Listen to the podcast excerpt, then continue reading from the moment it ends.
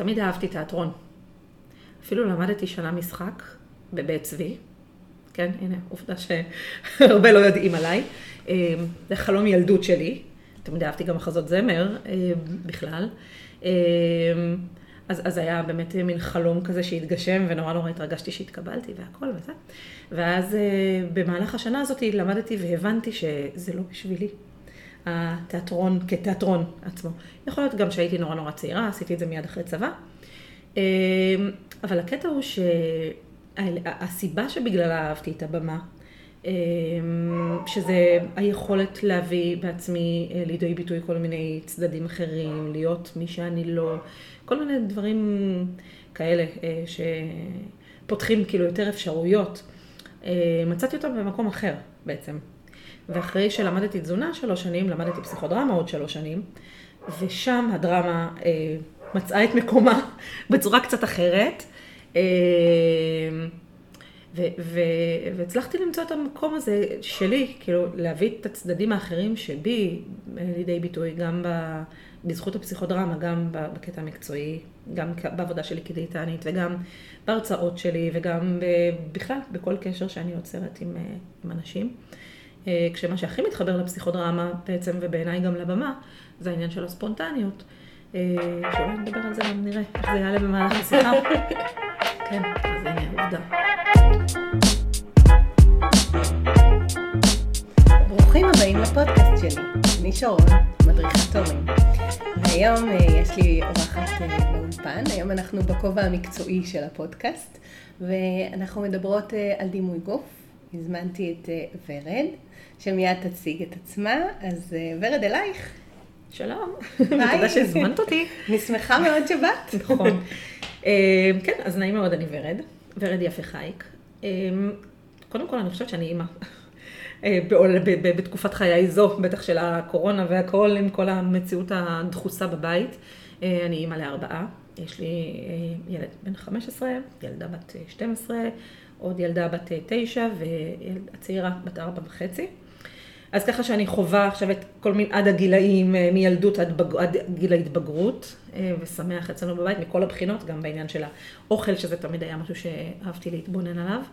אה, אני דיאטנית ואני גם פסיכודרמטיסטית, ולעסק שלי קוראים אה, מסתכלים לילדים בעיניים במקום על הבטן. אני עובדת עם הורים בטיפול אה, בהשמנת ילדים בעצם, העבודה היא דרך ההורים ולא ישירות עם הילדים, מתבגרים כן, אבל ילדים לא. מתוך איזשהו, מתוך איזושהי אמונה שילדים צריכים להתנהל בעולם באיזושהי ספונטניות מסוימת. אה, ולא לקחת על עצמם אחריות אה, מיותרת. והתפקיד שלנו כהורים הוא לייצר עבורם את הסביבה הכי בריאה ומאפשרת שאפשר. אה, עכשיו, אנחנו לא חיים בסביבה אידיאלית, אז לחשוב על איך, איך מתווכים עבורם את, ה, את העולם הזה ואיך עוזרים להם למצוא בעצמם את הכוחות ואת היכולות לבחור את מה שנכון עבורם, תוך סינון רעשי רקע ומניעת רעשי רקע אחרים. כי הילדים גדלים לתוך העולם הזה בעצם, ואנחנו יכולים לנסות לשנות אותו, אבל זה שינויים קטנים, ואנחנו רוצים אותם בעצם אה, בוגרים ויודעים איך לנהל את עצמם נכון. אה, וזהו, זה בגדול... אה, אז אני מאוד מתחברת כמובן לגישה הזאת, כי בסופו של דבר הגישה הדלריאנית אומרת שהאחריות לכל בסופו של דבר היא אצלנו, אצל האדם עצמו. ולהורה יש תפקיד, והתפקיד שלו זה לתווך לילד את, ההיג... את ההיגיון הכללי שזה העולם, לתוך ההיגיון הפרטי של הילד, ולעשות איזשהו חיבור ביניהם. אבל בסופו של יום, שהילד ידע לקחת אחריות על ההחלטות שלו, על התוצאות של ההחלטות שלו, ולא, ובעצם לעשות בחירות מודעות ומחושבות. נכון. רק שחשוב לי להכניס פה אלמנט נוסף, שכשאנחנו חיים בסביבה שהיא מאוד אה, לא בריאה, נגיד לצורך העניין בנושא האוכל, כשהסביבה היא סביבה אה, חולה, בתכלס אנחנו חיים בסביבה די חולה. היכולת שלנו לבחור, היא, לבחור נכון, היא מאוד, אה, היא, זה מאוד קשה. כשיש לך פרסומות, וכשיש לך שפע מאוד לא בריא, וכשבאמת, אה, תחשבי על מה שקורה בימים נורמליים, לא ימים, אה, לא ימי קורונה, אבל כל המסיבות יום הולדת, והקיוסקים שפתוחים בכל, בכל מקום, והכיבוד שמכבדים אצל חברים וכולי. השפע הוא מאוד מאוד נגיש, הוא מאוד זול, הוא מאוד אה, אה, נורמלי, נורמטיבי, כאילו לצרוך אותו. ו, והיכולת לבחור נכון ולהקשיב באמת לגוף ולדעת מה, איך לווסת, זאת יכול, זה, אם היכולת הזאת לא, לא, לא מוטמעת אצלך בצורה מאוד אה, חזקה, ועם היכולת שלך להקשיב לעצמך בצורה, כאילו להקשיב לעצמך לעומק ולדעת מה את באמת אה, מחפשת, יהיה לך נורא קשה לבחור. אני מאוד מסכימה, יש לי דוגמה מאתמול מדהימה. נתתי לבן שלי, הוא בן 12 וחצי, 20 שקלים. הוא הלך לשחק כדורגל, שיהיה לו. הוא רוצה לשתות מים, הוא רוצה לקנות לעצמו ארטיק.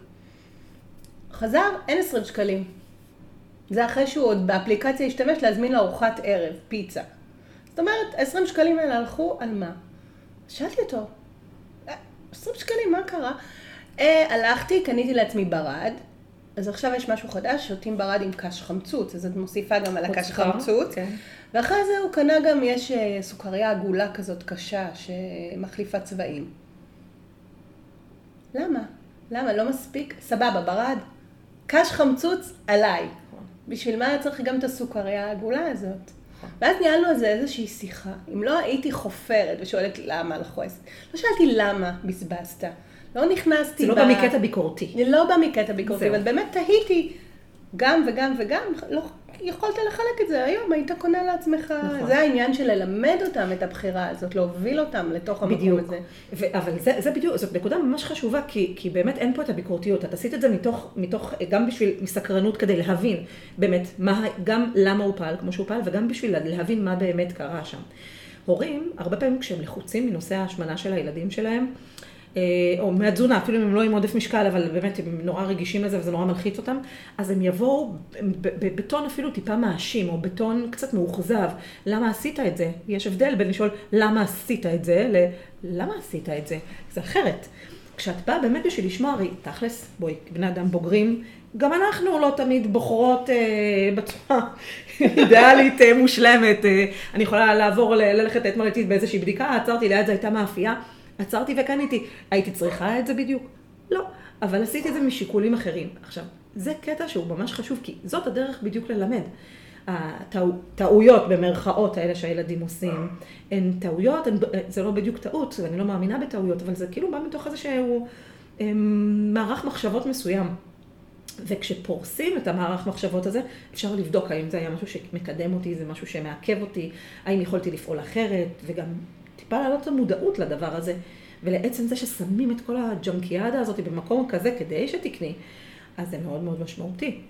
אה, כשזה בא ממקום ביקורתי, אם, אני, אם היית באה אליו, אני מניחה, ואומרת לו, למה קנית את זה? או אם היה ביניכם שיח מקדים, וזה מה שהרבה פעמים קורה, שיש שיח מקדים סביב העניין הזה, שיש המון לחץ והרבה אה, אה, איסורים והרבה אשמה שמתעוררת סביב כל העניין הזה של האכילה הלא נכונה. אם הילד יודע שהוא אמור לפעול בצורה מסוימת והוא טעה, ועכשיו שמים לו לפנים את הטעות הזאת, אז הוא יבוא ממקום מאוד אה, מתגונן, או שהוא לא ירצה להקשיב לך. או שהוא לא יספר לך. או שהוא לא יספר לך. שזה אני חושבת הטוב של הדבר הזה, וזה נכון. דווקא הרבה פעמים קורה, שהם מתחילים לה, להסתיר אוכל נכון. בעצם. או... נכון. ואז כי, בעצם... כי זה לא נעים, זה לא נעים לדעת שטעית, ושכולם רואים שטעית. עכשיו, זה אחד הדברים עם השמנה, עם עודף משקל, שזה בתרבות שלנו, שזה נחשב כ, ככישלון. להיות הורה שמסתובב עם ילד שמן, זה, זה כאילו, יש לך סטיקר כזה של נכשלת. איך עשית דבר כזה? אתה הורה לא טוב. אתה הורה לא טוב. אם את הורה רזה, אז בטח את דואגת לעצמך, ואת הילד את מזניחה. אם את הורה, אם את הורה אה, שמן, אז נו, לא פלא שהילד יוצא ככה, קחי את עצמך בידיים. יש כל כך הרבה סטיגמות שהן לא נכונות, דרך אגב, ברוב המקרים, אבל, אבל זה ממש, זה, זה משהו נורא חיצוני. כי אם לילד יש בעיות התנהגות נורא קשות, או כל מיני דברים כאלה, זה לא דבר שאת רואה מיד, אם בכלל. ילד שמן, או בן אדם מבוגר עם עודף משקל, וסליחה שאני לא פוליטיקלי קורקט, בסדר? כי המילה שמן בעיניי היא... שמן, היא. היא תיאור, אה, תיאור מצב. נכון. אז אם בן אדם שמן, או ילד שמן נכנס לאיזשהו חדר, זה דבר שישר רואים עליו. וכל אחד ישר מריץ את הסרטים, ואת האמונות, ואת הסיבות, וכולנו בטח בארץ נורא חכמים, ונורא תמיד יודעים הכי טוב על אחרים. ו... אז, אה, אז כן, זה לא פשוט. וזה מוסיף מאוד ללחץ של ההורים. ואז כשמגיע מקרה כזה, כמו שתיארת, ישר הולכים למקום הזה של כאילו, אבל למה לקנות גם וגם? למה לעשות את זה? כאילו, לא, לא דיברנו על זה כבר, שאתה צריך לשמור על עצמך, עוד זה סוכר וזה סוכר, כאילו, בשביל מה? וזה לא מקום שקל לצמוח ממנו וללמוד, כי זה גם את הילד שולח באמת עושה איזה שאט דאון ושלום. אני בראש שלי באמת פועלת מתוך המקום הזה של ללמד אותם להתמודד עם תרבות השפע. באופן כללי, זה לא רק באוכל. אנחנו חיים בזה שיש להם הכל כל הזמן. נכון. אז גם סף הריגוש שלהם הוא מאוד uh, גבוה. זאת אומרת, שום דבר לא מרגש אותם. פעם לנו, אם היו מביאים נעלי אדידס, היינו, וואו, כאילו שנה מסתובבים ומראים לכל אחד נכון, את הרגל. נכון. היה, תפתחי להם היום את הארון, יש להם שתי מגרות של נעלי, נעלי התעמלות, נכון. הטובות ביותר. שום דבר לא מרגש אותם. הם נכנסים, הם אוכלים, את יודעת, הם נכנסים למסעדה. אז קודם כל גם הם אוכלים עם העיניים. נגיד, יותם הבן שלי, הוא שוקל שתיים וחצי קילו בערך, והוא נכנס למקדונלדס, נגיד, ניקח זה, והוא ייקח, אה, הוא רוצה את ה-16 נגץ, או לא יודעת כמה, אבל הוא לא יאכל 16 נגץ. אבל הוא בא כולו רעב, רעב, רעב, רעב, והוא אוכל עם העיניים. כן. אז אני, אני למשל עושה איתו כל הזמן תהליך, על בוא תיקח את המינימום ותוסיף לך אם אתה צריך. כן. והוא רזה. אין פה עניין של השמנה, זה גם נכון. משהו שצריך להיות בשיח. זה לא משנה אם אתה שמן או רזה, אנחנו צריכים ללמוד להתמודד עם המציאות, עם העולם, עם, גם נכון. בשפע של אוכל, נגיד כל הבתי מלון עם ארוחות הבוקר המוגזמות שלהם, כל... לגמרי, לא, זה נכון. זה, זה, את יודעת, אני ישבתי לפני, שוב, בעולם הקודם, בבית קפה כשעבדתי, זה מרגיש כל כך רחוק עכשיו, אבל את יושבת, אחרי שאת הרבה בבתי קפה, ואת uh, מסתכלת על התפריט, את, כאילו, זה שלח אותי לאיזושהי התבוננות כזאת של מה, מה באמת אני רוצה כרגע. הרי לא נעים לשבת בבית קפה על כוס מים בלבד, צריכה, אני, לפחות בעולם שלי, צריכה להזמין משהו. אה, אז אחרי תקופה שהייתי כל פעם מזמינה אוכל או משהו כזה, הגעתי לאיזושהי מנקודה שאמרתי כאילו, וואלה, אני לא רעבה עכשיו. מה אני כן, מה אני, למה אני כן זקוקה, למה אני כן רוצה. עכשיו, השפע קיים, הוא פה, רק אה, צריך באמת להיות מסוגלים, באמת לעצור ולהקשיב ולשים לב למה מה, מה, מה בדיוק אני רוצה עכשיו. אני יותר רעבה, או אני יותר צמאה, או אני רעבה למשהו כבד, או אני רעבה למשהו קל, אני רעבה למנה גדולה, אני רעבה למנה קטנה, אני רעבה לירקות, אני רעבה לסוכר, מה, למה הגוף שלי זקוק כרגע, וזאת באמת מיומנות, זאת מיומנות, זו דרך, אה, דרך להקשיב אה, וזה, ואת זה גם באמת נורא חשוב ללמד את הילדים. להתמודד עם השפע הזה ששם. עכשיו, שפע זה, זה לא דבר רע, תכלס, תודה לאל שיש לנו אותו, רק צריך באמת להשתמש בו בחוכמה, ולהבין שהוא בא לשרת אותנו, ולא הפוך. זאת אומרת, עצם זה שיש, הרי פעם היה טילון קטן, אחר כך היה טילון יותר גדול, היום יש טילונים אקסטרה לארג' ובעוד שנתיים יהיה טילון אקסטרה אקסטרה לארג', זה לא אומר, אפילו אם הם באותו מחיר, שאני צריכה לקחת בהכרח את הכי גדול, כי זה לא אומר שזה מה שהגוף שלי צריך. אבל בשביל לקיים את השיח הזה, צריכים להיות תנאים מסוימים. הילד צריך להבין, קודם כל הוא צריך להיות רגיל לאיזושהי מנטליות של שיח. אה, ולא של אה, מישהו שבא מלמעלה ומכתיב הוראות. הוא צריך להרגיש אה, לא אשם. זאת אומרת, הוא צריך להרגיש, אם הוא, אם הוא, אם הוא יחוש אשמה או בושה, הוא לא יהיה פנוי להקשיב. הוא, הוא צריך לרצות ללמוד, הוא צריך לרצות לשמוע אותי. כי אני יכולה בתור הורה להגיד את הדברים הכי נכונים, אבל אם הילד ייקח את זה דרך הפילטרים שלו למקום אחר, זה לא משנה מה אני אגיד. הוא ישמע את מה שהוא רוצה לשמוע. וזה, וזה נורא חשוב. עכשיו, אם אנחנו כבר מדברות גם על זה, על הקטע של הורים וילדים, אחד הדברים שבעיניי אה, מאוד חשוב לזכור, זה שיש הבדל אחד משמעותי בינינו לבינם, אה, בטח עם ילדים צעירים.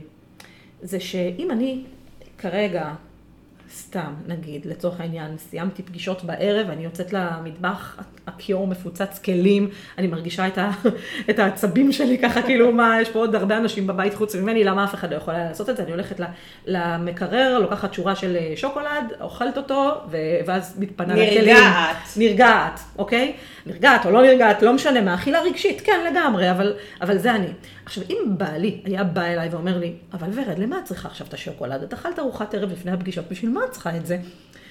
אז זה היה מעצבן אותי סביר להניח עוד יותר, כאילו גם לא עשית כלים, גם אתה אומר לי.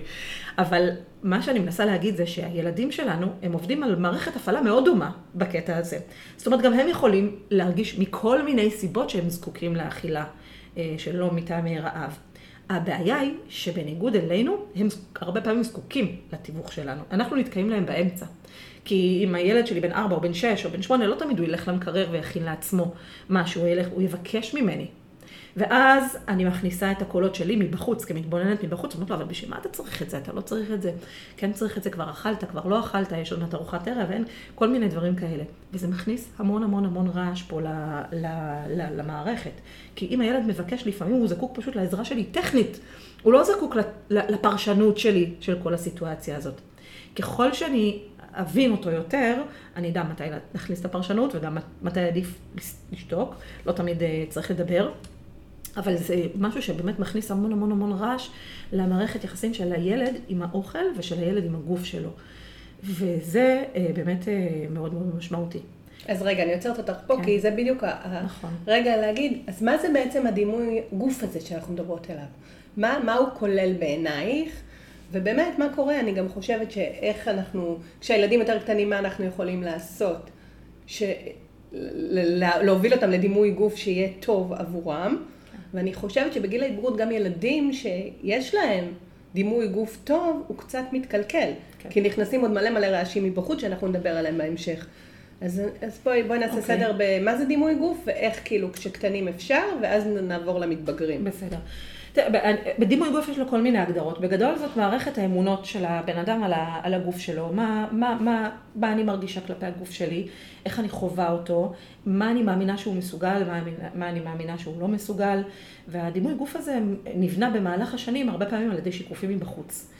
אה, זאת אומרת, לילד קטן שמסתכל על עצמו במראה, יכול, ילדה קטנה יכולה להרגיש שהיא מלכת העולם ולאהוב את עצמה ולהתחפש, או להסתובב ערומה, או, או להסתכל על עצמה ונורא נורא לאהוב את מה שהיא רואה. עם השנים מתחילים להסתכל החוצה, מתחילים להשוות ומתחילים לקבל כל מיני מסרים.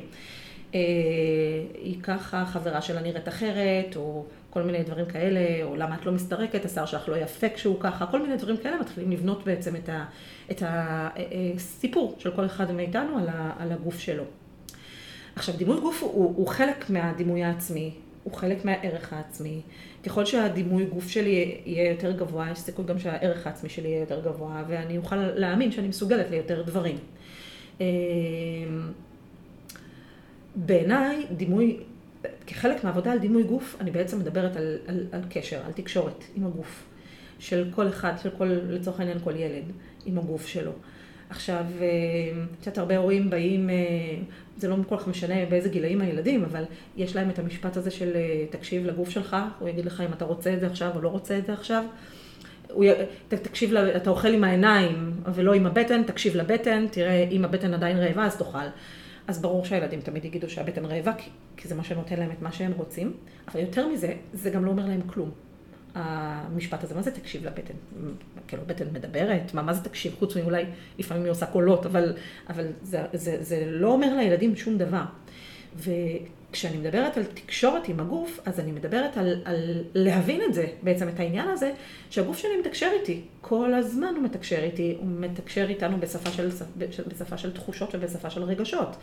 אבל זה, זה סוג של תקשורת. וככל שאני אוכל יותר להבין אותו, כאילו גם לשמוע אותו, ולהבין את מה שהוא אומר לי. ברמה שבאמת של, זה אפשר להגיע לניואנסים מאוד דקים של עד כמה אני רעבה, עד כמה אני צמאה, עד כמה אני עייפה. אז אה, ככל שהתקשורת שלי איתו תהיה יותר מדויקת, בעצם אני אוכל לספק לו את מה שהוא צריך, ויש פה איזושהי הדדיות כזאת גם, כאילו יחזיר לי. זה כל הזמן לוקח אותי למקום, כאילו אני שומעת אותך מדברת וגם קודם, ואני. זה החיבור של הגוף נפש בעצם.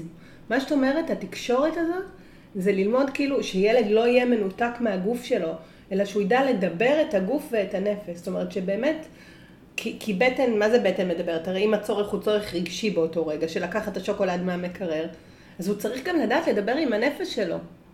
ולתת לה לגיטימציה גם. מתי נכון. אני כן נותן לגיטימציה, מתי אני לא נותן לגיטימציה.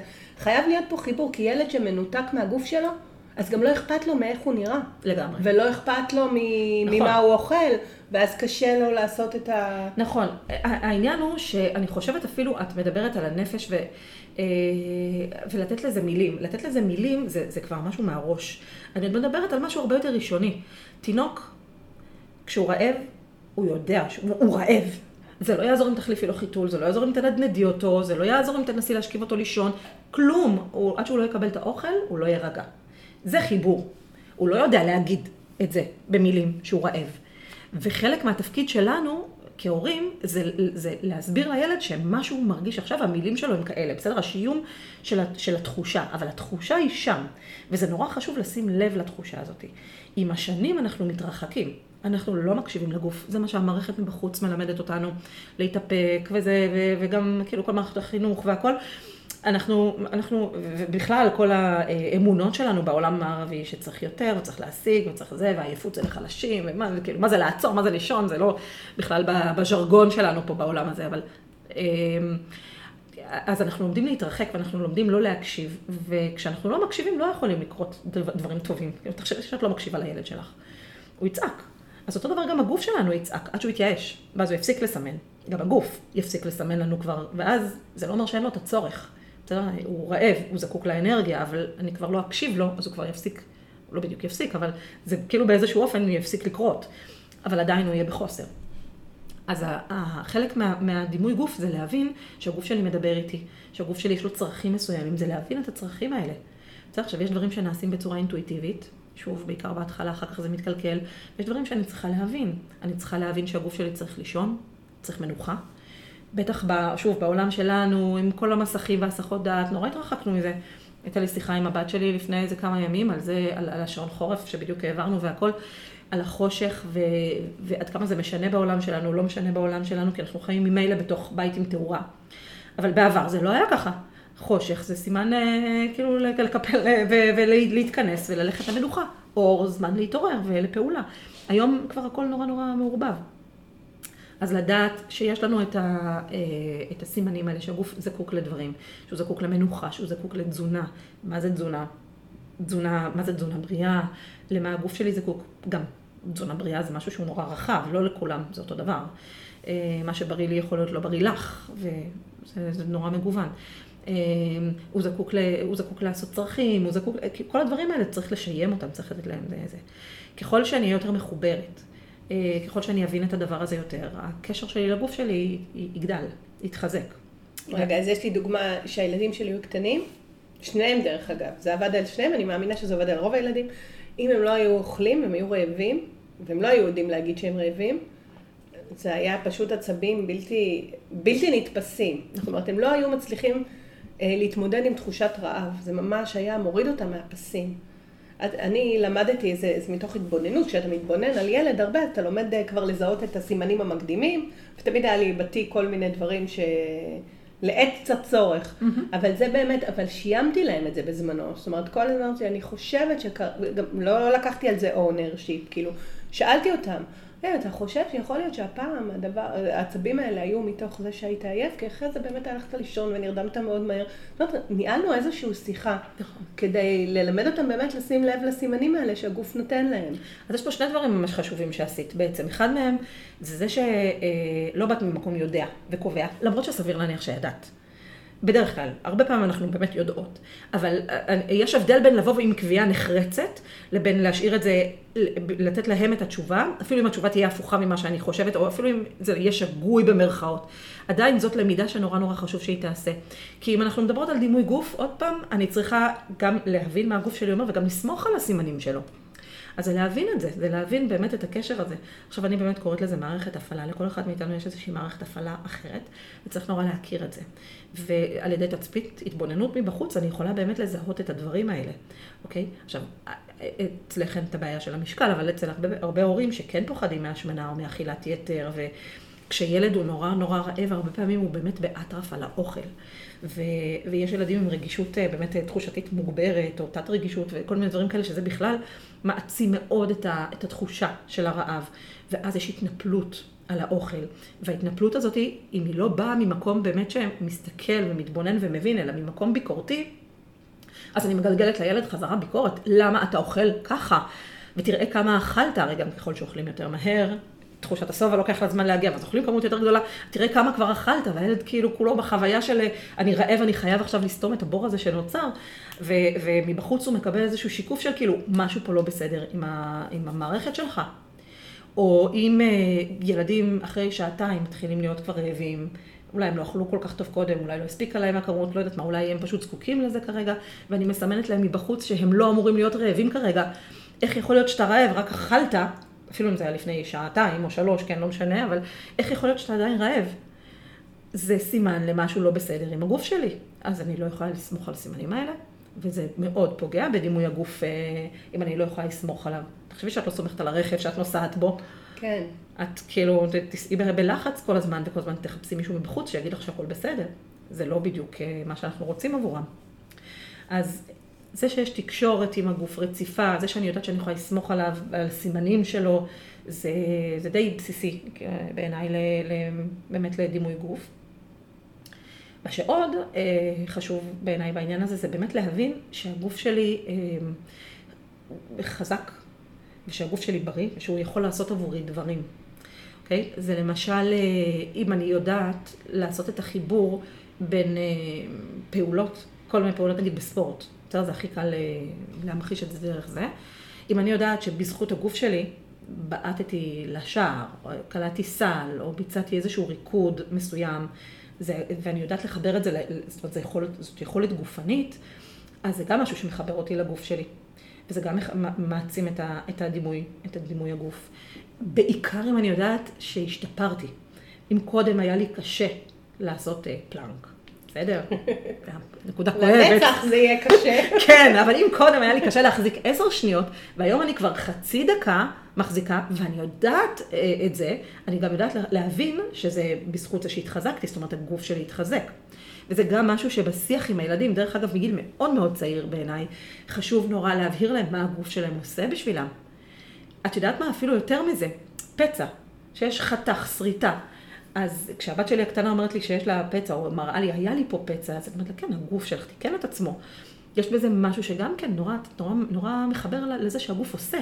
הגוף עושה, הגוף הוא דבר נורא דינמי, ככל שנטפל בו יותר הוא יעשה יותר, יהיה לו יותר קל לעשות, יעשה יותר טוב. אבל, אבל זה הגוף, הוא עושה את, את הדברים האלה. תכלס, זה פלא. איך יש פצע. זה ממש פלא. אחר כך אין פצע. זה מדהים.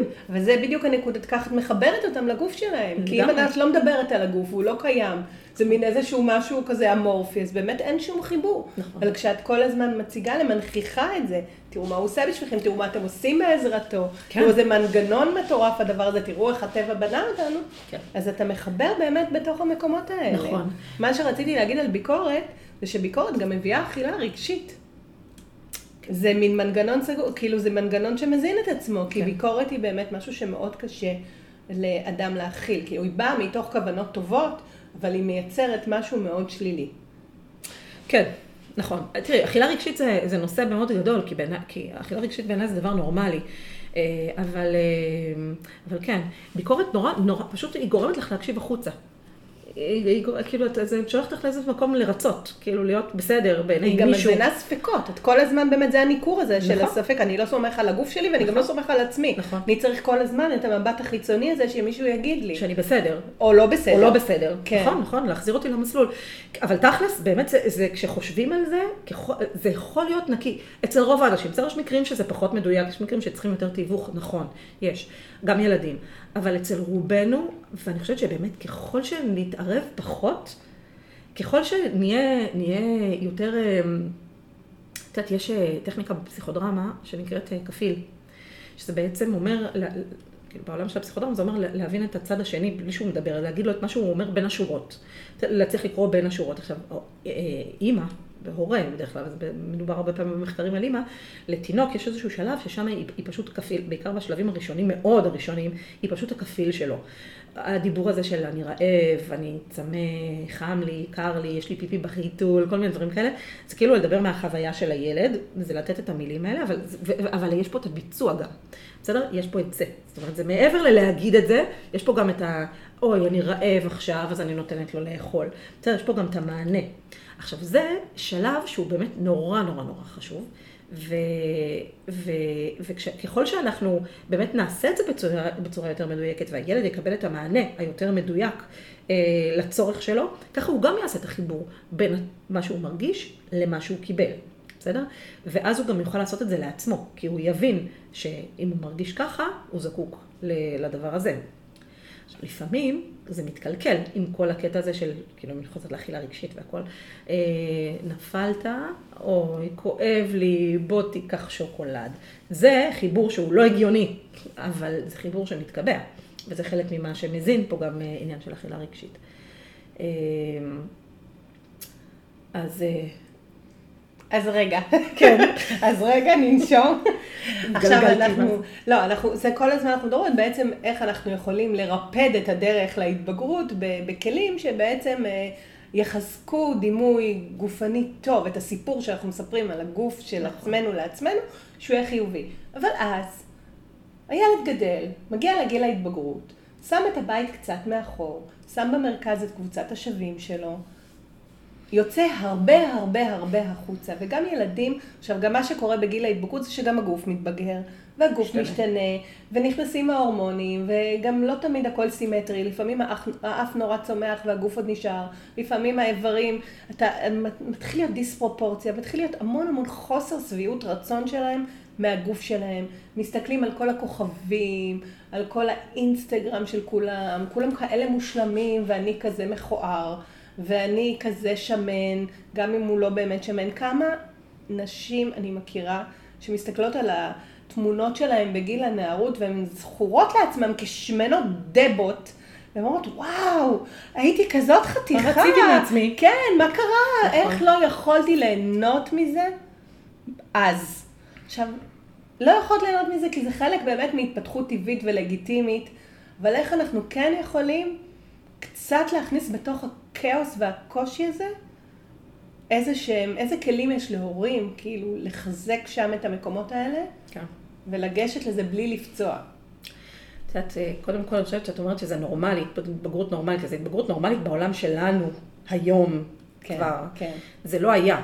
זאת אומרת, זה לא, זה, זה לא היה בעבר ככה. מתי בעבר? כן, מתי אנחנו כבר בעבר? מדברות, אני לא אישה צעירה כל כך. נגיד שלוש, 40 שנה, 50 שנה, זה היה, פח, זה היה משמעותית פחות, אין ספק שה...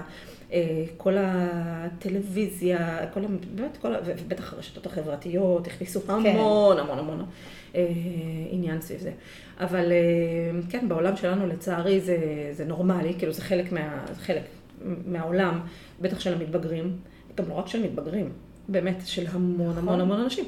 אני יודעת, אני תופסת מעצמי בן אדם די מודע בעניין הזה, ואני מוצאת את עצמי גם לפעמים מתכווצת אל מול אה, אה, דוגמניות אה, שנראות, ואומרת לעצמי, כאילו, אולי אם הייתי מתאמצת קצת יותר הייתי יכולה לראות ככה, כזה. עכשיו, את יודעת, אני צריכה להזכיר לעצמי שגם הדוגמנית לא נראית ככה, במציאות. את רואה איזה כוכבת קולנוע, את רואה כוכבי קולנוע, זה גם בנים וגם בנות, בסדר? זה די, כאילו, העניין של הדימוי העצמי ודימוי הגוף הם נורא נפגעים היום, אה, גם אצל בנים וגם אצל בנות, כבר בצורה, לא, לא, ההבדל הוא לא כזה גדול. אה, כן, את רואה את הדוגמנים, את רואה את השחקני קולנוע. היה לא מזמן אה, דיון על איזה אחד באיזה, באיזה תוכ- תוכנית אה, בנטפליקס, שהוא באמת כזה חתיך ובנוי לתלפיות, ואת מסתכלת עליו ואת אומרת כאילו, וואו. ואז היה ראיון איתו על מה הוא היה צריך לעבור לפני השידור של התוכנית, מה לפני, מה, איזה דיאטה הוא עשה. הוא, הוא היה בצום נוזלים, זאת אומרת, הוא היה מיובש כדי להבליט יותר את הקוביות, כדי לתת להיראות ככה. עכשיו, זאת אומרת, זה לא דבר נורמלי. אף בן אדם נורמלי לא נראה ככה, לא נראה ככה. אבל זה לא מה שאת תופסת משם, וזה לא מה שעושה לך את הקיבוץ. עכשיו, בתור בן אדם בוגר, את יודעת להחזיק את זה בתור נער מתבגר או נערה מתבגרת. זה הרבה יותר קשה. אבל אם את שואלת אה, כן, באמת על התהליך, אני חושבת שככל שיגיעו לגיל ההתבגרות, הרי לא, לא מגיעים אליו, לא נולדים. ביום אחד. כן, לא נולדים פתאום בגיל 14. תודה לאל. יש היסטוריה על הדבר הזה, ו- וככל שהבסיס יהיה יותר יציב, ככל שהשיח בבית יהיה יותר על הדברים האלה, יהיה יותר קל. לבוא לילד בן 14 או 15 ולהגיד לו, תשמע, אבל תראה, הגוף שלך עושה בשבילך 1, 2, 3, כאילו, תסתכל באיזה מבט אה, כזה של תעזבי אותי, מה את רוצה ממני.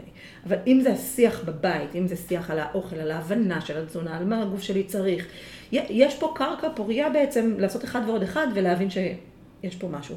מעבר לזה, זה גם נורא נורא חשוב מאיזה בית מגיעים, אם זה בית מאוד ביקורתי, או אם זה בית יותר מאפשר. איך השיח בבית על, על גופים של אנשים אחרים. אתם בית שמסתכל במגזינים ואומר זאת יפה, זאת לא יפה, איזה שמן, איזה מכוער, איזה זקן, איזה זה, או שבית שיותר מסתכל על דברים אחרים. עד כמה ההתעסקות במראה החיצוני, שזה בסדר שיהיה אותה גם, כן? זה לא שזה רע, אבל עד כמה זה, איזה חלק זה תופס בחיים של המשפחה. איזה חלק ניכר, כל החיצוניות והנראות והלבוש והאסתטיקה והכל, או שזה חלק מ... אז זה נורא נורא משמעותי וזה גם נורא ישפיע.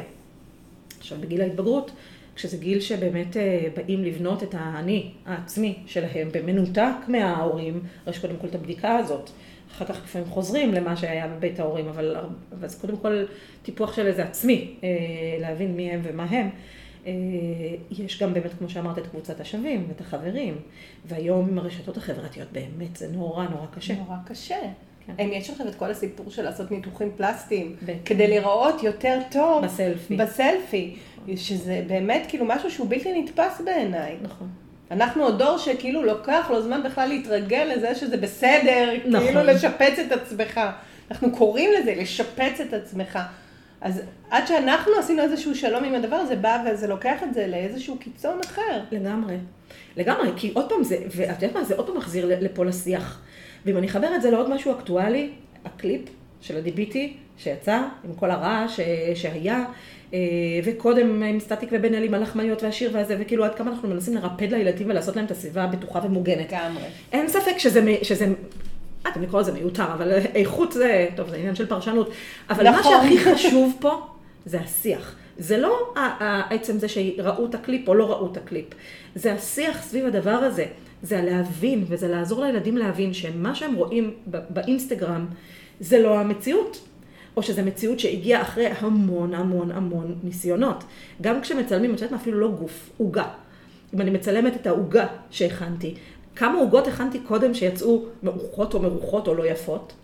עזבי קודם, מכיוון שהיה לי בלוג לאוכל פעם, ואני יודעת איך מצלמים אוכל, אז שמים דבק, וצובעים בצבע, ועושים המון המון מניפולציות על מנה, על מנת שהיא, נגיד, גלידה, את, זה הרבה פעמים לא הגלידה עצמה, זה איזשהו ספוג... אה, נכון, ולא יודעים את כאילו, אף אחד לא יודע את זה, אלא אם כן אתה לומד לעסוק בדבר הזה. נכון, ואז את חשה מתוסכלת שלך לא יצא ככה, אבל מי עושה ככה? מי מצלחת בצורה כזאת ביום יום בבית? בסדר, אולי מתי מעט, אם בכלל. וזה שולח אותך, כל המקום הזה של ההשוואות, ועוד פעם, זה הסתכלות החוצה. זה ממש הסתכלות החוצה, וזה לא להסתכל פנימה, ואם יש משהו שלמדתי על עצמי בשנים האחרונות, עם כל ההתפתחות ובזה, זה שכל ההסתכלות החוצה עושה המון המון עוול. את לא יכולה להיות באמת מאושרת ובאמת שלמה עם עצמך, באמת להעריך את עצמך, כשאת כל הזמן משווה את עצמך. לא יכולה. אי אפשר, כי כל הזמן את רואה את הפגמים שלך, כל פעם את רואה איפה את לא, איפה את לא מספיק, לאן עוד יש לך להשתפר, אבל רגע, מה עם מה שכבר השגתי? מה עם מה שכן עובד אצלי כל כך טוב? מה עם מה שכן אני יודעת לעשות עם הכישורים שלי, שאולי הם ייחודיים? הם לא מצטלמים אולי כל כך טוב, אבל מה, מה עם זה? זה בדיוק את מרימה לי להנחתה, כי זאת הגישה שאני מביאה. אני אומרת, רגע, דימוי גוף, סבבה, יכול להיות שהוא לא מת, היא לא מתה, הוא לא מת על הגוף שלו, על איברים מסוימים בגוף שלו. אבל בוא נחפש את הדברים שהוא כן אוהב, או היא כן אוהבת. בוא נשים את הפנס על העיניים היפות, על הידיים הטובות, על כל מיני חוזקות אחרות, ואותם כל הזמן נעיר. נכון. ואת הדברים שהם לא אוהבים, לא לקחת מהם. לא להגיד להם, לא, איזה שטויות, את לא באמת שמנה, את לא באמת הטוסיק שלך גדול. ככה היא מרגישה. אנחנו לא יכולים לבטל לבטל. רגשות של מישהו. אנחנו צריכים פשוט לה, להסיט, להגיד, באמת חבל שאת מרגישה ככה, את יודעת. אה, אני דווקא חווה אותך אחרת, אבל זה בסדר, בואי תגידי לי מה בדיוק מפריע לך, בואי נמצא בגדים שתרגישי בהם בנוח. נכון. אה, בואי, ובאותה נשימה, פשוט כל פעם לתת אה, את החיזוק במקום אחר. ואז כאילו כשהסל יהיה יותר מלא בח- בחוזקות, ביכולות, באפשרויות, אז הדימוי העצמי פלוס דימוי הגוף יהיו יותר טובים. לגמרי, לגמרי, זה באמת לפרוט את זה, זה לא להסתכל על הגוף כגוף, אלא כחלקים. יש בו חלקים, ויש דברים שאני אוהבת, יש דברים שאולי אני לא אוהבת, יש דברים אולי שאני לא סובלת. אבל עדיין, זה לא הכל. זה לא להגיד הכל גרוע, הכל דפוק, כמו שיש אה, נטייה לעשות, בטח בגיל ההתבגרות, אבל זה לא. אבל את יודעת מה אפילו יותר מזה? זה כאילו קצת אה, למתקדמים, נגיד נקרא לזה ככה, אבל את יודעת מה? אפילו אם, אם את לא יפה. אם שום דבר בך לא יפה. אז מה? אין דבר כזה, אבל אז בעיניי. מה, אז מה, נגיד, בואי נגיד בעינייך, כן, יש מישהי. פיקאסו, כן, סבבה. לא, את לא, נראית זוועה בעיני עצמך, בסדר, אני לא מתווכחת עם התחושה שלך, את נראית רע, אז מה? אז אסור, מה, אז מה, זה אומר ש, שאסור לך להסתובב בעולם הזה? זה אומר שאין לך תכונות אחרות שיש להן יתרון? זה אומר שאת לא יכולה לעשות טוב בעולם, כאילו, אם, אם את לא יפה, כמו, כמו שאת מאמינה שאת צריכה להיות? גם את מפלצת, בסדר? קווזימודו. את, את, את ככה. מה, אז מה? למה זה צריך להפריע למישהו? למה זה צריך להפריע לך להגשים את מי שאת? מה, זה מפריע לך ללכת אה, ללמוד מחשבים? מפריע לך ללכת ללמוד אומנות? זה מפריע לך ללכת להיות מה? את יודעת, כאילו, יש בזה אפילו להקצין את זה בצורה כזאת, ו- ולהגיד, אז מה? אז את לא יפה. מה זה שייך? אז אם את, אם את מכוערת, אז את לא יכולה להיות שמחה. את לא יכולה להיות חברה טובה. את לא יכולה להיות, אה, את יודעת, אה, הרבה דברים אחרים שהם, שהם שווים. מי אמר שרק להיות יפה זה הדבר שהכי חשוב? אז בסדר, זה חשוב, אני לא אומרת שלא, לערך, לביטחון, להכל, זה כן. אבל אפילו להציב את זה, את יודעת, באמת להקצין את זה בכוונה. כי היופי הוא באמת רק חלק. זה ממש רק חלק. כי עובדה שיופי זה גם דבר שכל כך משתנה. מודל היופי זה דבר שעובר כל כך הרבה תהפוכות. ופעם... זה הדבר בעיניי. זה הדבר, לדבר על מודל היופי המשתנה. נכון. להגיד שבאמת יופי, הרי המשפט הכי קלישאתי זה היופי בעיני המתבונן. אבל זה ממש. נכון, כי אם אנחנו מסתכלים על אה, ציורים אה, של אה, רמברנט, נכון. אז יש שם אנשים מלאות לא צריך ללכת אפילו כל כך רחוק. אפילו לא צריך ללכת כל כך רחוק. היו אצלי פעם זוג הורים שהם באים, הם הגיעו מ... מגרוזיה, אני חושבת, משהו כזה, כן, לדעתי מגרוזיה, אה, והילד שלהם, ילד צעיר, הוא היה, הוא ילד הגלגל. עכשיו, במהלך השיחה, זה נורא הפריע להם כל הזמן שהילד עם עודף משקל, ושהחברה, ושמשווים אותו לילדים אחרים בגיל שלו, וכל מיני דברים כאלה. ואז דיברנו קצת על מאיפה הם הגיעו. ואז האבא אומר לי, את יודעת, אני בגיל שלו הייתי יותר שמן ממנו. ואת יודעת מה? נורא אהבו את זה שנראיתי ככה כל הזמן, ליטפו אותי וצוותו אותי, ונתנו לי להרגיש שזה שאני שמן, אני ממש חזק. ואני ממש, את יודעת, שנתנו לו להרגיש איזה יתרון, כי זה היה מין איזה קטע תרבותי כזה, כן. שכן, לפני 40-50 שנה. אה, זה היה בריאות, בריאות, זה היה בריאות. בריא. לגמרי, אבל היום הילד נראה אפילו, הוא, הוא פחות שמן ממה שהוא היה בגילו, אבל זה כבר לא היה בסדר, כי ככה זה נתפס בתרבות שלנו. אז זה, תקשיבי, בעיקר המתבגרים, להטיל ספק, בסדר, לזרוע את הזרע. אולי זה לא יגרום לו עכשיו אה, למהפכה, כאילו לעשות איזשהו סוויץ' של 180 מעלות ופתאום לעוף על עצמו. כן, גם לא להגיד להם, אוי, אתה מהמם, זה לא נכון, אתה כל כך מהמם, הם לא יאמינו. לא הרי יאמינו. אין פה, אתה רוצה לייצר יחסים של אמון, שהם יאמינו בדברים הטובים שאתה אומר להם. אז אם אתה רוצה שהם יאמינו בדברים הטובים, קודם כל תגיד להם את הדברים האמיתיים שאתה חושב. לגמרי. שזה אני כאילו אומרת לאורך כל הפודקאסט, אני אומרת, תהיו אותנטיים, נכון. תיקחו, ובאמת בכל ילד יש אסופה של דברים מהממים. ממש. תמצאו אותם ועליהם, וגם לא את כולם ביחד, לא תשפכו עליו עכשיו מפל של... אה, למרות שזה גם יכול להיות נחמד מדי פעם, אני עושה את זה עם הבן שלי, מדי פעם אנחנו יושבים ואני כאילו לוק... לוקחת לי בראש סל דמיוני ואומרת לו, יש לך את זה ואת זה ואת זה ואת זה ואת זה ואת זה ואת זה ואת זה. וואו, כאילו, נכון. מה תעשה עם כל הטוב הזה? נכון. אבל זה, זה מין, זה אחת לכמה זמן. כן, זה מאוד חשוב, נכון. אמ, אני חושבת על זה ש... כאילו באמת אה, צריך להכיר אותם. עכשיו, זה עוד פעם מחזיר אותי קצת לסלוגן הזה, שכאילו, תסתכלו להם בעיניים, לא על הבטן, לא על הלחיים, לא, לא בצלחת, תסתכלו להם בעיניים, כי בעיניי העיניים זה...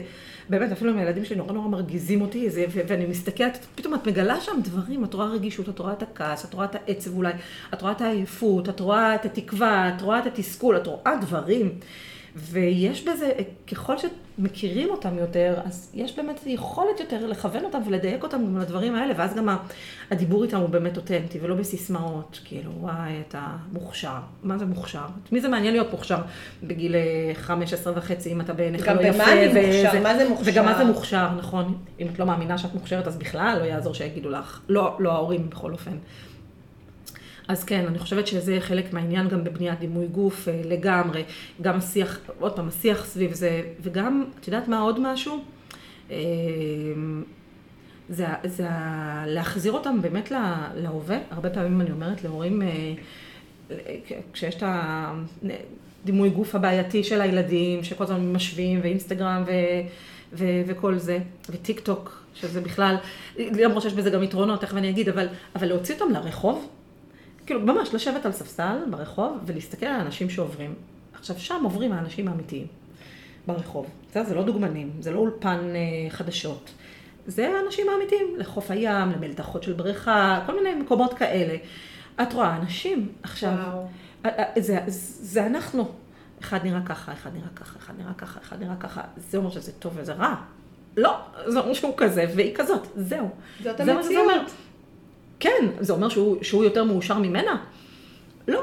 זה אומר שהוא יותר מוכשר ממנה? לא. זה פשוט אומר שהוא גבוה, היא נמוכה. זהו. הוא, הוא, הוא במשקל כזה, היא במשקל אחר. זהו. אין, אין, אין שום, אין לזה הרבה משמעות מעבר למה שאנחנו נותנים לזה. אז זה דבר, אה, זה דבר אחד. אה, ולגבי ה, הטיקטוק, אני חייבת להגיד שהשבוע הסתכלתי על הבת שלי, היא עושה סרטונים. וחשבתי שדווקא, את יודעת, מדברים הרבה דברים רעים על הטיקטוק, אבל אני רואה איך היא עפה על עצמה, עם מה שיוצא לה. ואני חושבת שבמהלך כל החודשים האלה שהיה לה over טיק טוק, כאילו עם כל הסגרים והזה למיניהם, היא מאוד השתפרה. ב... ב... ב... בחיד... את יודעת, זה, כאילו, זה כאילו שהיא עושה את זה יותר יפה, את התנועות, אבל זה לא שהיא עושה את זה יותר יפה, כאילו ממקום של לחכות או להעתיק, אלא היא פשוט יותר מבינה את התנועות שלה, היא יותר מחוברת. היא יודעת יותר איך להזיז את היד בצורה יותר עדינה. איך אה, להפעיל שרירים שקודם אולי היו פחות, עבודה פחות מדויקת עבורה, כל מיני דברים כאלה. אז זה לא רק רע, הרשתות האלה מביאות איתן, כאילו זה באמת... אה, אני בכלל לא חושבת שהן רק רע, אני חושבת שיש המון דברים טובים, למשל טיק טוק בעיניי זה מקום מאוד יצירתי. זה קרקע פוריה ליצירתיות, באמת אה, לחוות את עצמך כאדם יצירתי, לרצות לעשות תוכן יצירתי, להיות שונה. נכון. דיפרנציאציה שהיום כאילו במקום ללכת כולם כמקשה אחת, זה מאפשר לך להיות מי שאתה. וליצור איזשהו אפילו אלטר אגו, גם, ב, גם באינסטגרם. אבל אני כן חושבת שזה משהו שחייב להיות מדובר היטב, אפרופו באמת אה, מה, מה היתרונות של זה, מה החסרונות של זה, איפה זה לא העולם המציאותי, איך זה בעצם מין playground אה, כזה יותר ממש. מאשר העולם המציאותי. נכון. את יודעת, אני, אני רוצה לחזור רגע לעניין של, ה, של הספונטניות, כי את מדברת על זה, ואני חושבת שתכל'ס זה, זה נכון, זה, זה באמת מה שצריך להיות, צריך להיות פה שיח. כל הזמן. אה, וכאילו, אני אולי דיאטנית, אבל אני הרבה, אני לא חושבת שאנחנו מדברים כל כך בפגישות בדרך כלל על אוכל. מדברים על אוכל, אבל, אבל מדברים יותר על ההתנהגות סביב האוכל. ומה שאת מתארת, השיח הזה, הוא מתאפשר אה, כשאין לחץ. וכשאין נכון. את ה... באמת, הרבה הורים לילדים עודף משקל בגלל כל הסטיגמה ובגלל כל הפחד, ולא עוזרים להם מסביב, ובאמת עם כל הסיבוכים של השמנה וכל הדברים האלה, שזה באמת נורא נורא מלחיץ, אבל לחץ הוא בדרך כלל, שוב, לפי הפסיכודרמה, ספונטניות היא, אחד מאבני היסוד של החיים שלנו בעצם. זה כל מה שקשור לשמחת חיים וליכולת שלנו לברוא את עצמנו בסיטואציה שמשתנה, שלא התכוננו אליה מראש. עכשיו, הקונטרה של הדבר הזה, זה בעצם החרדה או הלחץ, כי זה לא עובד ביחד. אה, כדי, ש, כדי שאני אוכל להיות ספונטנית, אני צריכה להיות רגועה. אני, אני לא יכולה להיות בחרדה, או לחוצה מאוד, או נורא פוחדת, ו, ושיצאו לי תגובות ספונטניות. זה לא עובד. זה, זה פיזיולוגית לא יכול לעבוד, כי הורמוני הסטרס לא מאפשרים לזה לקרות. אז אחד, חלק מהעבודה, באמת, זה, זה להצליח להוריד את החרדה הזאתי, ולהעלות את הספונטניות, וזה מה שיאפשר לי באמת יותר לפרוס את התמונה ולהרחיב אותה ולדבר על הדברים האלה עם הילדים, אם אני לא אהיה בחרדה או בלחץ. מצד שני, הטכניקה הזאת של להצליח להרחיב את התמונה ולהתבונן ולהבין את ההקשר, את הקונטקסט שבה זה נעשה, כי אם אני מבינה שהילד שלי אוכל הרבה עכשיו, בגלל שהוא, וואלה, פתח שלוש-ארבע שעות מהארוחה הקודמת והוא היה נורא פעיל והוא נורא רעב, אז אני לא אהיה בלחץ, כי זה לא שהוא ילד שמן בלי תחושת שובע, בסדר? אלא אני מבינה מאיפה זה בא, וזה מוריד לי את החרדה. ומאפשר לי להגיב בצורה קצת אחרת. אז הרבה פעמים באמת העבודה היא, היא להבין את התמונה הכללית, אה, להרחיב אותה ככה מאוד, אה, כדי להוריד את הלחץ הזה ואת המתח אה, סביב כל העניין הזה, ולהוריד את המ... כל מיני אסטרטגיות של להוריד את המתח והלחץ סביב כל הנושא הזה של ההשמנה, כדי להצליח להגיב בצורה קצת אחרת, שהיא לא שופטת ופחות ביקורתית ו... ולא מקבעת, ואז זה גם מוציא מהילדים דברים, דברים אחרים. אז כן. אמ, זה בעצם לקחת צעד אחורה. רגע שנייה, כן. בוא ניקח צעד אחורה, ונהיה איזה יום יומיים רק בהתבוננות, להתבונן על הילד, מה הוא אוכל, מתי הוא, בלי לסתום את הפה, כאילו אפילו להיות כמו זבוב על הקיר, שלא יראו אותך. ממש, אני הרבה פעמים אומרת את זה. עכשיו כן. אתם במוד של התבוננות, בדיוק. לא מגיבים, חוקרים, מתבוננים, אה, מה, מה קורה פה? הוא אכל עכשיו, הרגשת, בקיבוץ, הרגשת שבא לך לקחת לו את הצלחת מהיד ולהגיד לו, די, אכלת מספיק. בין אם תעשי את זה ובין אם לא תעשי את זה כרגע, כי את אנושית, בסדר? כאילו זה גם משהו שחשוב תמיד להגיד, כאילו יש את הרצוי, יש את המצוי, יש את הפלטות של כל אחד מאיתנו ואין מה לעשות, החוכמה היא ללמוד מזה. בסדר? אז, אז ברגע שיש את הקיבוץ הזה, כאילו מה קרה פה? ו, וכן, זה לגמרי מוד של התבוננות, זה מוד חוקר, זה מוד שגם בא עם איזושהי ענווה מסוימת של אני לא באמת תמיד יודעת. הרבה הורים הרי באים ממקום, חלקם באים ממקום שהם מנוסה. שכבר עברו כל מיני, הרבה פעמים הורים הם בעצמם היו עם עודף משקל או שהם מתמודדים, כי היום בחברה שלנו כמעט כולנו מתמודדים בצורה זו או אחרת עם ענייני אוכל ומשקל וגוף. אז עד שאני מצאתי בגיל 40-45 את המקום שלי, אני פתאום מניחה שזה גם מה שהילד שלי צריך, אבל לא. לא, זה לא אומר שמה שעבד עבורי יעבוד עבורו, בטח לא בגיל הזה וגם לא בטוח שבכלל. אז לבוא ממקום יותר ענב, ממקום יותר מתבונן, גם ממקום שנותן יותר, כאילו, באמת, כבוד לילד, הוא, הוא יצור, הוא, הוא, הוא נמוך, אבל המורכבות שלו, הרגשית, היא לא יותר קטנה, לפעמים אפילו יותר גדולה משלנו. אז אה, זה הרבה יותר מכן ולא ומפרוסת לחם אחת או יותר, או כף קוטג' אה, חמישה אחוז או תשעה אחוז, זה לא, זה, לא, זה לא שם בכלל. אה, והשיח הזה, אני חושבת שהוא, כשהוא נעשה בצורה טובה, באמת, הוא, הוא מאוד מחבר את הילד, הוא נורא מעצים אותו, וזה מה שגם יתרום לו לדימוי עצמי יותר גבוה. אז זה גם חלק ממה שיתרום לו לדימוי, לדימוי גוף שלו. עוד משהו שחשוב לי להגיד על קטע של דימוי גוף, אמ, זה, זה העניין של אה, באמת להצליח להרגיש טוב בגוף שלי, ומה שצריך לעשות בשביל זה. בסדר, בין אם זה אומר לקנות באמת בגדים שנוחים ומתאימים. אה, גם אני רוצה להתלבש כמו כולם, זה נורא חשוב ש... שיהיה לי נוח בבגדים שלי. אה, בגדים במידות גדולות זה קצת אישו, ב... ב... כאילו איפה למצוא וכל מיני כאלה, אבל כשמתבייתים על חנות, נורא נורא חשוב שלילד או לילדה יהיו את הבגדים שהם מרגישים בהם בנוח. אני גם בעד למצוא חנות כזאת שיש שם מידות טובות ולקחת את הילד לשם, חוויית הקנייה היא אחרת לגמרי. במקום להרגיש תסכול שמודדים, מודדים, מודדים ושום דבר לא מתאים, להיכנס למקום שהכל מתאים או הרוב מתאים, וואלה, זה סוג של גן עדן. זה עולם אחר. נכון. וגם משנה באמת את כל התחושה שלך כלפי... מאוד. כי אנחנו לפני, עשינו שיחה לפני הפודקאסט, ואמרת, אני לא אוהבת לקנות בגדים, ואני ישר התחברתי אלייך. כי כאילו אני חושבת של... המון המון נשים יש את הקטע שהן לא, כי זאת מכנסיים לא יושבות עליה טוב, זאת החולצות תמיד מבליטות לה את הבטן, ועכשיו עם המידות הדרקוניות שיש בכל מקום, את גם לפעמים לא מוצאת את המידה שלך, כי היא לא באמת המידה שלך. נכון. ואז אה, מייצר תחושה של תסכול מאוד גדולה, אתה בעצם הולך למשהו שהוא אמור לשרת אותך. כן. שיהיה לך בגדים ללבוש ליום-יום, נכון. ואפילו הרבה אנשים זה כיף עבורם, להתחדש, לעשות שופינג.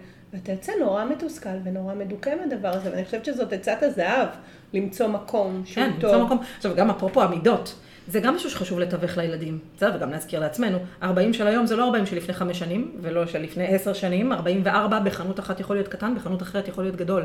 יש המון ילדים שמתוסכלים, בטח ילדים, נערות בעיקר, יותר, יותר בגיליות שכבר מודעות, שרואות מה החברות שלהן לובשות, והן רואות את המספר שלהן. זאת אומרת, למה כל החברות שלי לובשות אה, שמאל ואני צריכה מדיום, או אני צריכה לארג'. כל החברות שלי מידה 18 של ילדים ואני צריכה מדיום, למה? אבל תכלס זה כל הזמן לבוא ולהגיד, זה לא משנה. לבוא, מעבר לזה שזה לא משנה, כי לא משנה לא תמיד יתפוס, אבל כן להסביר על השונות הזאת בין החברות השונות, וזה שזה תכלס... סתם, כאילו מישהו החליט לקרוא לזה ככה ולקרוא לזה ככה, זה לא שיש חוקים, מידות מסוימות באמת, זה לא. זה נורא, נורא, נורא מוסיף לתסכול, נורא, זה ממש ממש מקשה על החיים. אז אה, כן, למצוא מקום שיש שם את הבגדים אה, טובים, זה מאוד חשוב. ובכלל, לדאוג לגוף, בסדר? לטפח אותו, לא משנה באיזה משקל. את יודעת, וזה גם משהו ששווה להראות, אנשים ש, ש, שנראים מטופח, נשים שנראות מטופחות, אני לא מדברת בהכרח על טיפוח מוגזם וניתוחים וכאלה, בסדר? אבל שרואים שהיא משקיעה בעצמה, אישה שרואים שהיא משקיעה בעצמה, היא תסרוקת והיא מסודרת והיא מתלבשת בצורה שמחמיאה לה ובצורה יפה ובצורה אפילו צבעונית או משהו כזה, משהו שמחבר אותה לעצמה. זאת השראה בעיניי. וזה נורא חשוב, כי יכולה להיות נערה או אישה רזה, שנראית באמת כאילו, נגיד, מושלמת לפי העולם שלנו, אבל היא תהיה מאוד, עם דימוי, עם דימוי גוף מאוד אה, רחוק מלהיות להיט, והיא תלך כפופה, והיא תלך מכווצת, והיא לא, לא תחשוף את עצמה, כי היא לא מרגישה שלמה עם עצמה. אז זה, זה, זה גם משהו ששווה לשקף להם. זאת אומרת, זה שמישהי נראית, היא רזה, זה לא אומר שהיא עפה על עצמה, זה לא אומר שהיא בטוחה בעצמה, זה לא אומר שהיא חזקה בעיני עצמה. ולעומת זאת, מישהי שיכולה להיות עם עודף משקל, היא יכולה להיות אה, אה, ספורטאית מצטיינת, היא יכולה להיות אה, טובה גם במיליון דברים אחרים, היא יכולה לעוף על עצמה. כמה נערות כאלה יצא לי לפגוש, שהן באמת שמנות, הולכות עם ביקיני, ושמבחינתן התפוצץ העולם, לא מעניין אותן. לא מעניין אותן מה, מה אחרים חושבים.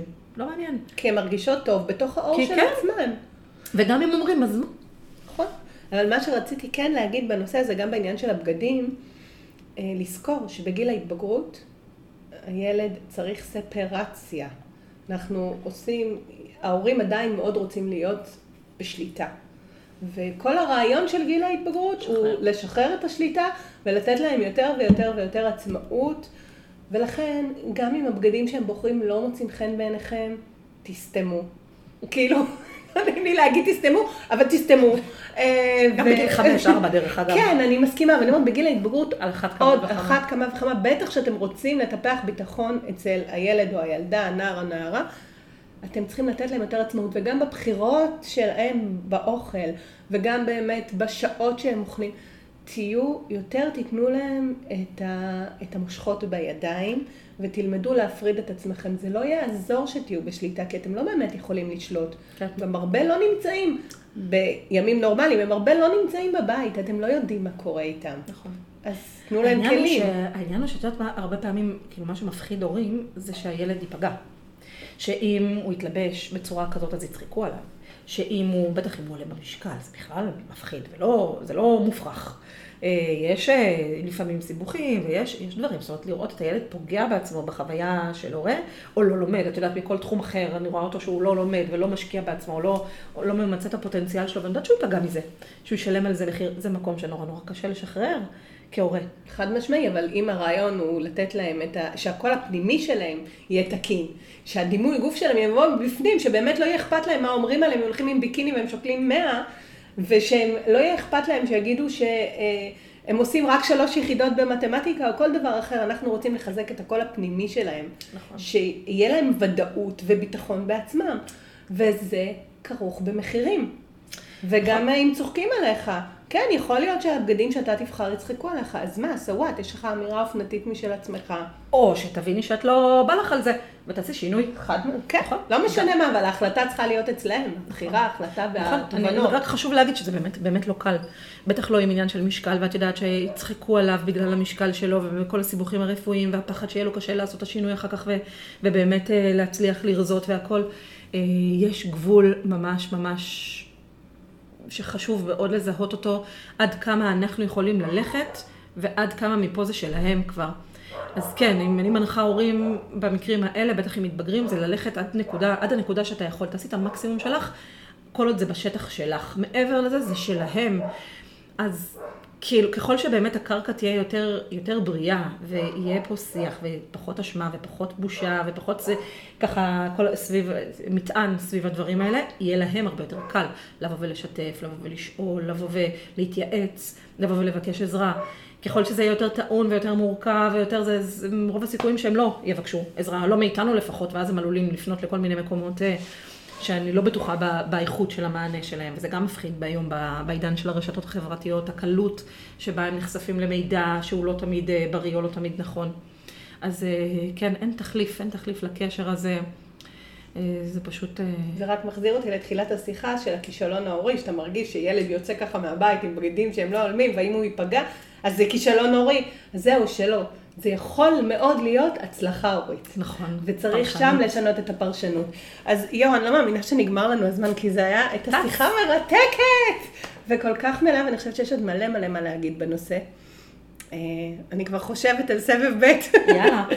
אה, אבל אה, באמת הפעם נסיים, ואני אסיים בשאלה שאני תמיד שואלת. יש לי את ה... כאילו אני שואלת בדרך כלל הורים ואת בני הנוער, איפה הם רואים את עצמם בעוד עשר שנים, ואת ההורים אני שואלת איפה אתם רואים את הילדים בעוד עשר שנים.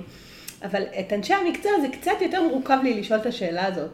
כי אני לא יודעת אם העניין של הפריזמה של איפה את רואה את עצמך כאשת מקצוע בעוד עשר שנים.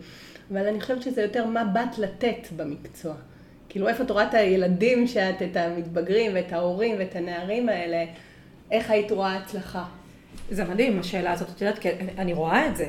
אני כבר 20 שנה עובדת, אה, ואני רואה, אני רואה הבדלים בין משפחות שעשו תהליך ושהתמסרו לתהליך. והתוצאות הן, אה, את הרבה פעמים שואלים אותי, אבל הילדים ארזים? כן. אז, אה, אז, אז, אז, אז כאילו התשובה היא טריקית קצת, כי קודם כל, לפעמים כן, אבל זה לא בהכרח קורה בכאן ועכשיו. יכול להיות שזה יקרה בגיל ההתבגרות פתאום, ויכול להיות שזה יקרה בגיל הבגרות, המשקל שיתאזן. ויכול להיות גם שהשינוי הוא יהיה שינוי אחר. שינוי שלא מצטלם טוב כזה, את בתמונות של לפני ואחרי, אבל אנחנו עושים את זה הרבה פעמים, כאילו תרגילים כאלה של דמיון מודרך, של איך אני רואה את הילד שלי בעוד 10-20 שנה או כבוגר, ו, ואני רואה ילדים והורים, משפחות, שהשיח מתנרמל, שנכנס, אה, שנכנס אה, שקט סביב כל הנושא הזה של אוכל ואכילה, שכל הלחץ מתפוגג שם סביב כל העניין הזה, שאוכל חוזר להיות רק אוכל חלק גדול מהזמן, אה, שילדים, נערות, מתחילות מזה שהן הולכות עם קפוצ'ון בקיץ, מסתובבות עם ביקיני ועפות על עצמן, למרות שהן אולי לא דקיקות. חלק מהן יורדות במשקל, חלק לא, זה לא, זה לא רלוונטי, פשוט, הן פשוט מרגישות הרבה יותר ביטחון. או שמפסיקים אה, דיאטות ומפסיקים כל מיני תהליכים כאלה שהם יותר הרסניים. יש כל מיני שינויים כאלה שאני רואה ב... בחזון שלי, אה, הלוואי שהיינו גם חברה יותר אה, סובלנית מבחינת, אפילו יותר, יותר מקטע של, אה, של התזונה בסביבה, כן? כל התזונה של מה נותנים לילדים לאכול בבתי ספר וכל מיני, שגם זה טעון שיפור, אבל הרבה יותר חשוב מזה בעיניי, זה השיח השמנופובי הזה.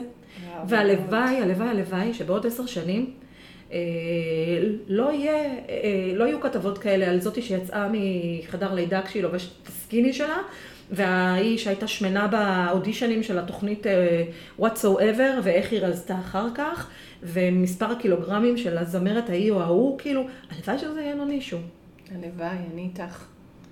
שבאמת אה, כל אחד ירגיש בנוח בעור שלו ואיך שהוא נראה. כן, שנתעסק בלהיות אנשים טובים יותר, כן, זה יותר כאילו חשוב. כן, כאילו כל הגיוון הרי, אנחנו כל הזמן מדברים על diversity, diversity, שחורים, לבנים, אה, וואלה. כן, אבל גם שם נכנס רק השחורים הספציפיים האלה. כן, בדיוק, בואו נהיה באמת... והנכויות הספציפיות האלה, ולא הם, ברור. בואו נהיה באמת מגוונים. בואו נהיה אנשים טובים, ולא נתעסק בדבר הזה.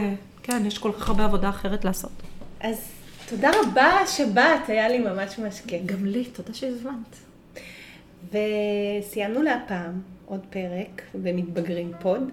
אה, אם אהבתם ומצאתם את זה משמעותי, תעשו לייק באפליקציה או תדרגו אותנו, כי זה יעזור לעוד אנשים אה, להיות חשופים לדברים המאוד מאוד חשובים שדיברנו עליהם. ונשתמע בפרק הבא, תודה רבה.